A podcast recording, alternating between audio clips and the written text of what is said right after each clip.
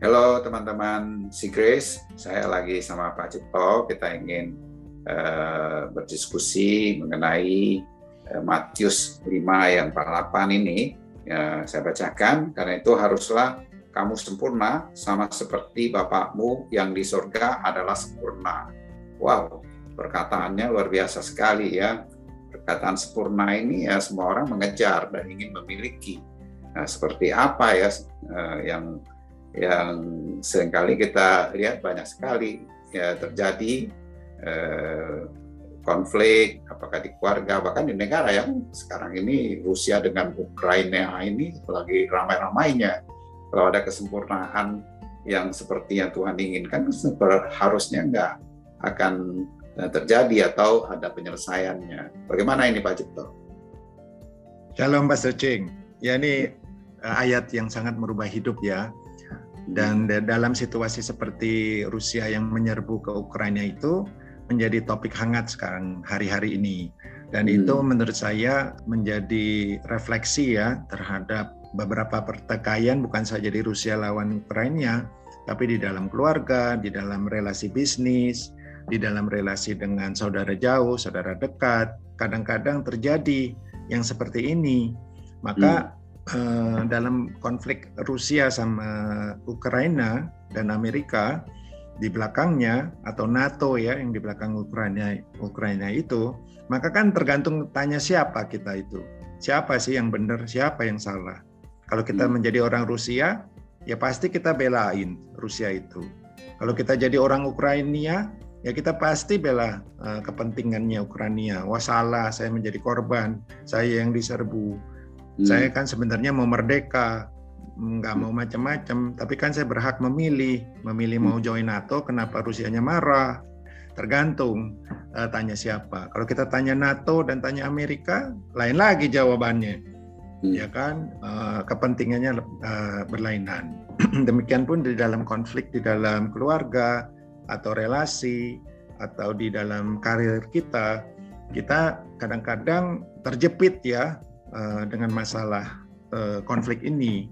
Sedangkan di dalam firman-Nya Matius 5:48 itu kita memang ada kesempurnaan uh, Allah Bapa yang telah diberikan kepada kita. Jadi itu bukan tuntutan yang ditimpakan kepada kita sebagai manusia biasa yang harus menjadi sempurna, hidup damai sejahtera dengan semua orang, Eh, ternyata setelah kita mengenal tentang penebusan Tuhan Yesus di kayu salib, maka segala damai sejahtera itu yang tadinya kita harus usahakan, harus berdamai dengan ke dengan pihak kiri, pihak kanan, pihak Rusia, pihak Ukraina, pihak NATO, pihak Amerika, bukan kita, tapi adalah sebuah uh, hadiah, sebuah anugerah yang Tuhan Yesus Kristus itu ciptakan bagi kita. Damai di bumi, dan e, bersukacitalah karena Tuhan Yesus itu sudah memberikan itu dengan penebusannya dia di kayu salib. Nah, ketika kita percaya tentang hal ini, tentang pribadi Tuhan Yesus, maka pikiran kita yang tadinya khawatir tentang peperangan, tentang kemerdekaan dan sebagainya itu secara natural itu uh, hilang karena ada kuasa damai sejahtera Tuhan Yesus itu yang diberikan karena dia sudah mati di kayu salib memberikan damai itu kepada saya.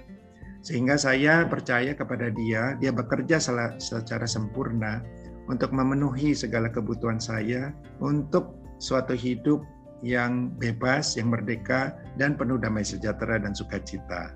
Demikianlah kita sering kali harus mendengar dan ikut fellowship, eh, mendengar tentang kabar baik, tentang luar biasanya Tuhan Yesus itu. Sebenarnya sih tinggal sadar aja dia ada di dalam kita. Maka tahu-tahu kita secara natural bisa datang ke tempat ini, bisa datang ke fellowship dan dan kita makin uh, senang tentang kabar baik ini dan tidak khawatir tentang perkembangan yang ada di luar. Terima kasih. Wow, terima kasih Pak Cipto untuk sharingnya.